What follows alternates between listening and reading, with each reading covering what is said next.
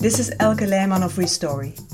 Restory brings you stories of inspiring thinkers and guiding doers. Today, a story with Tom Kaypacha Lescher, evolutionary astrologer. Kaypacha is located in Costa Rica, Restory in Belgium. But using Zoom, it's almost like we're only a block away. Listening to Kaypacha, the corona crisis is just the beginning of the chaos and turbulence that awaits us in the coming years. With Uranus in Taurus until 2025, we enter a time that he speaking visualizes as a hairdryer in a bathtub. Not surprising when you know that Uranus rules electricity. Of course, you can dismiss looking at the planets as a fuzzy stuff, but that's too easy. Trend watcher Adjiedj Bakas also told on story that he relies on the planets when he states that there will be a lot of turbulence in the coming years. Not that we have a predetermined future, according to Kaypacha. He mainly uses astrology as a tool to empower our free will. In this way, it gives us peace of mind to know that it will remain restless for a long time. Listen and feel for yourself whether it is true what he has to say about cycles, astrology, and the natural sciences, the age of Aquarius, and his hopeful message about the future. Let's start the story by asking how astrology came into Kaypacha's life. Well, that goes back over 40 years ago. It was actually the late 70s that I uh, left uh, Chicago, where I was born, and uh, I went to a Catholic seminary in, in high, for high school in Chicago. And uh, st- kind of started off very early asking uh, questions as to why I'm here, what life is about. And uh, uh, I remember uh, writing something that said, you know, your priorities are, and mine at that time was wisdom. I, have been seeking after uh, the wisdom teachings since I can remember. I remember being very excited about Greek mythology when I was in fifth grade. So I moved out to California and I plopped right down next to next door to an astrologer. And I knew nothing about it. I didn't even know my sun sign, but he invited me over one day and absolutely blew my mind. he told me about that my girlfriend was into dancing and would learn French and that I had bad knees and I had just crashed my motorcycle and hurt my knee. Who had never seen me before. They knew more about me than anybody that. that I knew. So it was uh, a powerful, moving experience. And of course, it was also based upon reincarnation, which blew apart my my religious views and my approach to life. And I just dove into astrology completely. Uh, it's been my passion ever since. Um, and of course, I have done other things in order to make a living. uh, I designed computers uh, in the Silicon Valley for a number of years while I had my family and raised my children. And, and then I uh, wanted my children to go to uh, a Waldorf school, uh, Anthroposophy by Rudolf Steiner. Uh, also has a branch called Astrosophy, where he also studies the uh, the star wisdom and the teachings of uh, ancient times and all through history with a clairvoyant uh, uh, approach. And so I've gone into the what we call the occult or hidden art sciences um, to answer questions for me that modern day science, uh, psychology, and uh, religion don't sufficiently answer. You're talking about um, um, astrology as, as, as a science, um, so, but how come that people don't see it as a science then? Oh, I leave it to Sir Francis Bacon. you know, there was a, it is the uh, the growth and uh, and spread of materialism that has been occurring pretty much since the Renaissance uh, time, and and uh, the new scientific methods uh, that have been introduced that really um, uh, cut out. You know, in the in the ancient days, the astrologers were priests and they were you know revered and there was just more of a uh, an acceptance and an integration of that which is uh, unseen, uh, unheard, uh, un- intangible. Uh, you know, in terms of just really working in and with and through the material world. So there's been a little more of a separation and a separation and a separation, so that uh, you know th- there is not a obvious physical connection between like gravity or you know the, the the basic known laws of physics at this time do not support the, you know how astrology works. Astrology works in you know my understanding is synchronicity. Yes uh, you know uh, and we're moving i believe more and more okay into a unified field theory Okay, you know, Einstein birthed it, but it needs great, much greater development. As above, so below, as without, so within. Uh, the macrocosm mirrors the microcosm. That, you know, in a holographic universe, each part of the whole reflects the whole, and you can you can begin to see the quantum field. And and there are there's just you know so much more uh, research really needs to be done, I believe, before uh, the conventional uh, approach, mindset, attitudes, beliefs uh, are able to, uh, you know, justify uh, the astrology as a science. The starting point for our conversation with Kaypacha is the arrival of the age of Aquarius. While the birth of a new era may sound surreal to you, the age of Aquarius is both astronomical and astrological. The Earth revolves around the Sun in 12 months. A different zodiac constellation begins every month. In the opposite direction, the Sun passes through the 12 zodiac signs in 25,920 years a star year. We call each star month an era and lasts approximately 2160 years. Now we are in the transition period from the age of Pisces, which started around our era, to the age of Aquarius. What makes the transition to the age of Aquarius extra special is that it is also the closing of a star year, the entire cycle of 25,920 years. Uh, you know, this basically, I, I am a evolutionary astrologer, and all of evolution occurs through cycles. And astrology is the study of cycles. That there is a beginning, there is a birth, there is a growth, there is a blossoming, a fruit, a harvest. Uh, the seed dies, and uh, there is another birth. And I, you know, whether it's a human life, uh, a year, uh, or a 28 year cycle of Saturn, a 12 year cycle of Jupiter, or a 2000 year cycle of the age of Pisces and the age of Aquarius. We have uh, great cycles. Uh, you know, the Indian Vedic systems, uh, you know, uh, speak to the end of the age of darkness, Kali Yuga. is a 26,000 year cycle, right? And so within these, we it's, I, I liken it to a Swiss watch.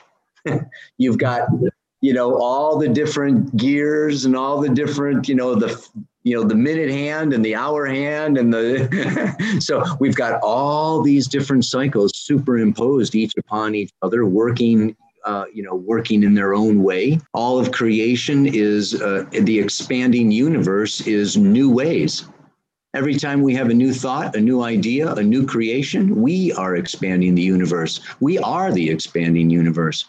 And the expansion that is occurring through this time period now, we are in like a birth canal. We are birthing a new 2,000 year age of Aquarius emerging out of a 2000 year age of Pisces. Pisces is very passive, very dreamy. It's the sheep following the shepherd. tell me what to do. Tell me what is heaven. Tell me what's right. Tell me what's wrong. We've all been kind of just, you know, we're, we are emerging out of the dream, out of the fog, out of the passive, compliant, uh, you know, uh, uh, go along and hope and pray and wish for the best and, uh, you know, trust and believe in our uh, hope and leaders and kings and whoever that, uh, that things are going to be okay. There's another 6,500 year cycle, which is the 26,000 year cycle divided by four. And this is the patriarchy the male dominated hierarchical top down need to know pyramid kind of conquering uh, masculine uh, energy that has you know uh, named everything and own property and just like you know really that we've you know we've had 6500 years of this particular form okay of socio-cultural religious conditioning and uh, there is a resistance. There is a desire to hold back, to hold on to the existing control, the existing power structures. So we're breaking out. So, this age of Aquarius, this next 2,000 years, is about Prometheus, the planet Uranus. Yes, the sky god. Prometheus stole fire from the gods. He was a rebel. He got punished. It's associated with revolution, with the future, with global consciousness, even with the weather. Aquarius is an air sign. I actually don't call it an air sign, I call it outer space because. if you know any Aquarians, you know they're they're a little bit ahead of their time, maybe from another uh, planet or something. You know, Bowie was one for sure. Then yes, you got it. There you go. Space oddity. well, I mean, I, th- I think that uh, really we are the forebearers. I don't know that we will actually uh, be alive to witness or experience this age of Aquarius. We're giving birth to it. It's our children's children's children that are actually going to benefit from our efforts. Uh, you know, more than our uh, more than ourselves. We're awakening to, right? Global issues you know, uh, everybody's aware of the Amazon. Everybody's aware of what's going on, you know, in China and with the palm oil and with the, you know, I mean, uh, oil. Sp- I mean, it's just like the, you know, the the web is really bringing us together into a global consciousness, and and so, you know, as far as what as individuals right? You know we, we do exist as individuals and it is our own evolutionary journey and and and growth you know with our loved ones and our family members. And you know for me it's very important to birth this you know new age you know as consciously as warmly uh, not forgetting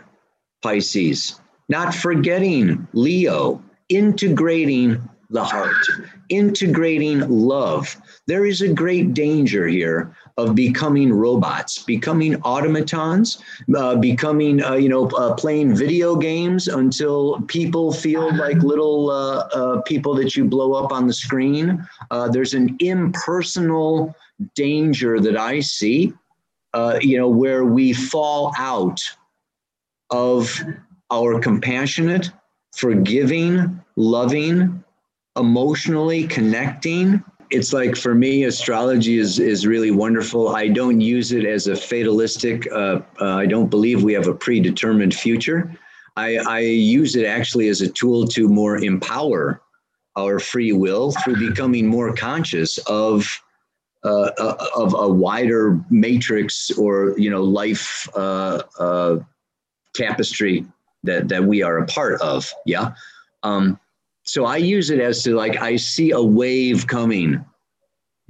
Right, I'm a surfer. We have to surf the waves of life. So there's there's always going to be Mother Nature or science or governments that we cannot control, and it is up to us as individuals to really always work with. This is even the forces of death right? Uh, you know that we, uh, you know, there's death and transformation that is, you know, beyond our egoic control, and uh, we need to adapt. We need to uh, educate evolve and uh, and and grow and, and the more that we i believe expand our uh, abilities to perceive the more subtle energy and the the the the ripple effect of each one of our actions thoughts and deeds the more we are going to create safe space for our children's children's children to grow up in. Now, is that going to happen or not? I, you know, the stars do not say. I, I will say that, you know, everything that that I have uh, experienced is that, uh, you know, humanity seems to grow very reluctantly as a result of pain. Pain and suffering are the major teachers on this planet. And I don't see that changing. I, I see crisis after crisis after crisis. I believe that this virus is the result of a toxic uh, natural and ecosystem that we have made toxic and that it would not have emerged whatever uh, uh upon us okay in a uh, in a healthy ecosystem the impact that we're having upon the environment is negative, it's unconscious, it's ignorant, it's done without uh, proper amounts of caution, study, care, and concern for the, the entirety of our spiritual, mental, emotional, and physical well being. We're just looking at the physical. Let's go faster, more information, and more money, and more physical pleasure, and more instant gratification, and more entertainment. And it's, you know, it's, it's very, very, uh, how, how can we say, um, low frequency or just, you know, low intelligence. Aquarius is about intelligence, right? Uranus is the, the higher octave of Mercury. Mercury is our left brain, egoic, daily consciousness. And the higher octave of that is Uranus, which is the third eye, which is the singular, which is illumination or enlightenment. And so we are moving into a time, it's almost like, you know, you get enlightened or die. it's like get your shit together or you're gone you know? And and i think the way that the, from what i'm experiencing it's going to get worse before it gets better. People are still rebelling fighting uh, you know, denying you know climate change denying the you know denying what you know uh, even our limited science okay does have enough uh, you know, information to educate us in regards to what is healthy, just you know, psychologically, emotionally, and physically. Uh, you know, I mean, they they may not be so much there on the spiritual levels yet, but there's enough out there for us to know and and it's not being heeded it's not being listened to it's not being followed it's not being uh, financed the money is not going into green technology and uh, you know no more fossil fuel. I mean, you know, I, uh, it's it's really amazing to me, and I think that this may turn around. I believe that after enough hurricanes and after enough uh, disturbances and after uh, you know enough uh, you know hospital bills, uh, that economies it's going to basically, I believe, boil down to, and in fact, I even saw it already. There, there's a group of corporations that are, you know, that are saying, you know what, the governments are uh, not doing their job. We have to take care of the environment. Mm-hmm and and you know to me this is a step. It's the global corporations. It's going to we're going to end up finding that we're it's going to be economical to clean up the planet to improve our health care to you know to educate our young. You know i mean it's it's it's it's a very a very interesting uh, dynamic uh, that's going to become more clear in 2021 when saturn moves through aquarius and squares Uranus and Taurus. Uranus and Taurus has to do with shocking, unpredictable events having to do with resources and our own physical survival. that shock us and alert us and awaken us to new new technology, new ways of surviving, new ways of seeing, viewing, understanding, and uh, integrating ourselves with our natural environment. So, you know, Uranus and Aquarius come in as revolution. They come in as shock, awe, you know, surprise, extreme, uh, you know, uh, uh events that I always call it the hair dryer in the bathtub. You know, it's like Uranus rules uh, electricity. You know, you know. I mean, it's just like yeah, the alarm clock is going off. Yeah, uh-huh. and and it is shaking things up. I feel that things are going to be you know uh, very challenging. There there can be a decrease in population. There can be numerous catastrophes. Uh, you know, occurring uh, through these next uh, five years. I, I, I, don't think we're headed towards extinction. Population may, uh, you know, go from 8 billion to one, but I don't think we're all going to, uh, I don't think we're going away yet. It's, it's, it's not over yet. I'm hoping things will, will turn around. Uranus is in Taurus, okay, until 2025.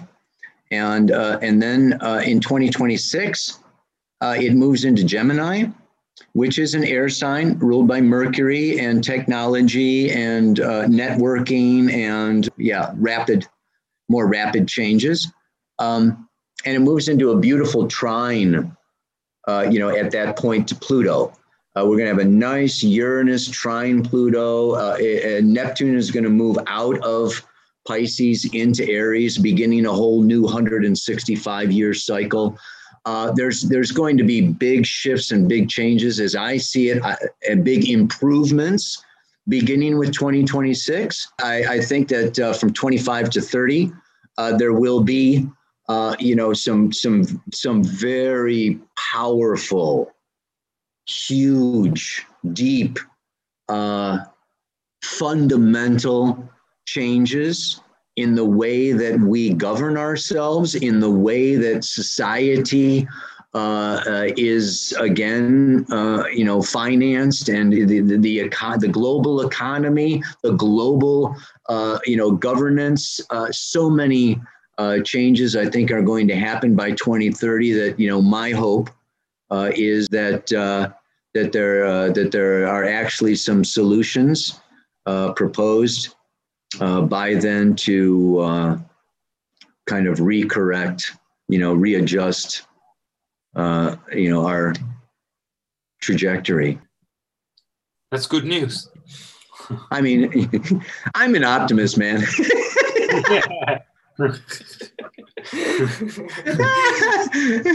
I still, you know, I still have faith. I don't know why, but it hangs in there, you know.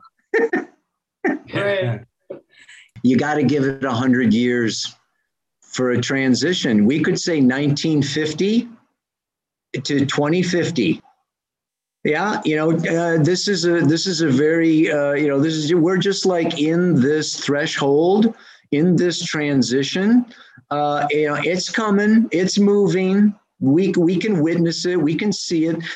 Yeah, I I uh, we got 30 more years, man. And I, I'm, I'm just, you know, I'm, I'm, plugging away that, you know, we're going to, uh, you know, uh, by 2050, we're going to see some, uh, you know, some positive uh, shifts, changes, and results. This was the Restory interview with Kaypacha. You also heard Misha's voice, with whom I made this beautiful story. For more stories of thinkers and doers, go to restory.be.